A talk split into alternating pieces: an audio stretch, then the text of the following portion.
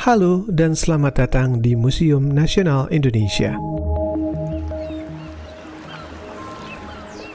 Inilah cerita kapal Titanic dari timur. Kumpulan keramik Texing di ruang ini cuma sebagian dari 350 ribu keramik yang dibawa kapal Texing, kapal dagang yang berangkat dari pelabuhan Amoy di Cina Selatan yang super sibuk. 1.600 penumpang, 200 awak kapal bersama sutra, rempah, perhiasan, logam, dan porselin naik kapal. Saking padatnya beberapa muatan diikat di lambungnya. Januari 1822, kapal berbendera warna-warni ini berlayar menuju Bandar Makmur yang jadi tumpuan ekonomi sejak dulu, Batavia atau Jakarta.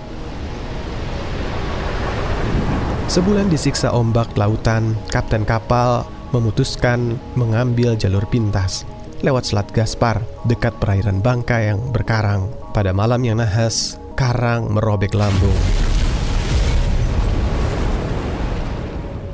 Texing perlahan tenggelam bersama 1.600 orang penumpang. Karena jumlah korbannya yang nyaris hampir sama, Texing kelak dijuluki Titanic dari timur. Keramik kapal texing diminati dan bernilai tinggi karena awet dan karena kontras warnanya, putih, susu, dan biru yang mencolok. Kontras dibandingkan perabot tanah liat yang diproduksi di Jawa.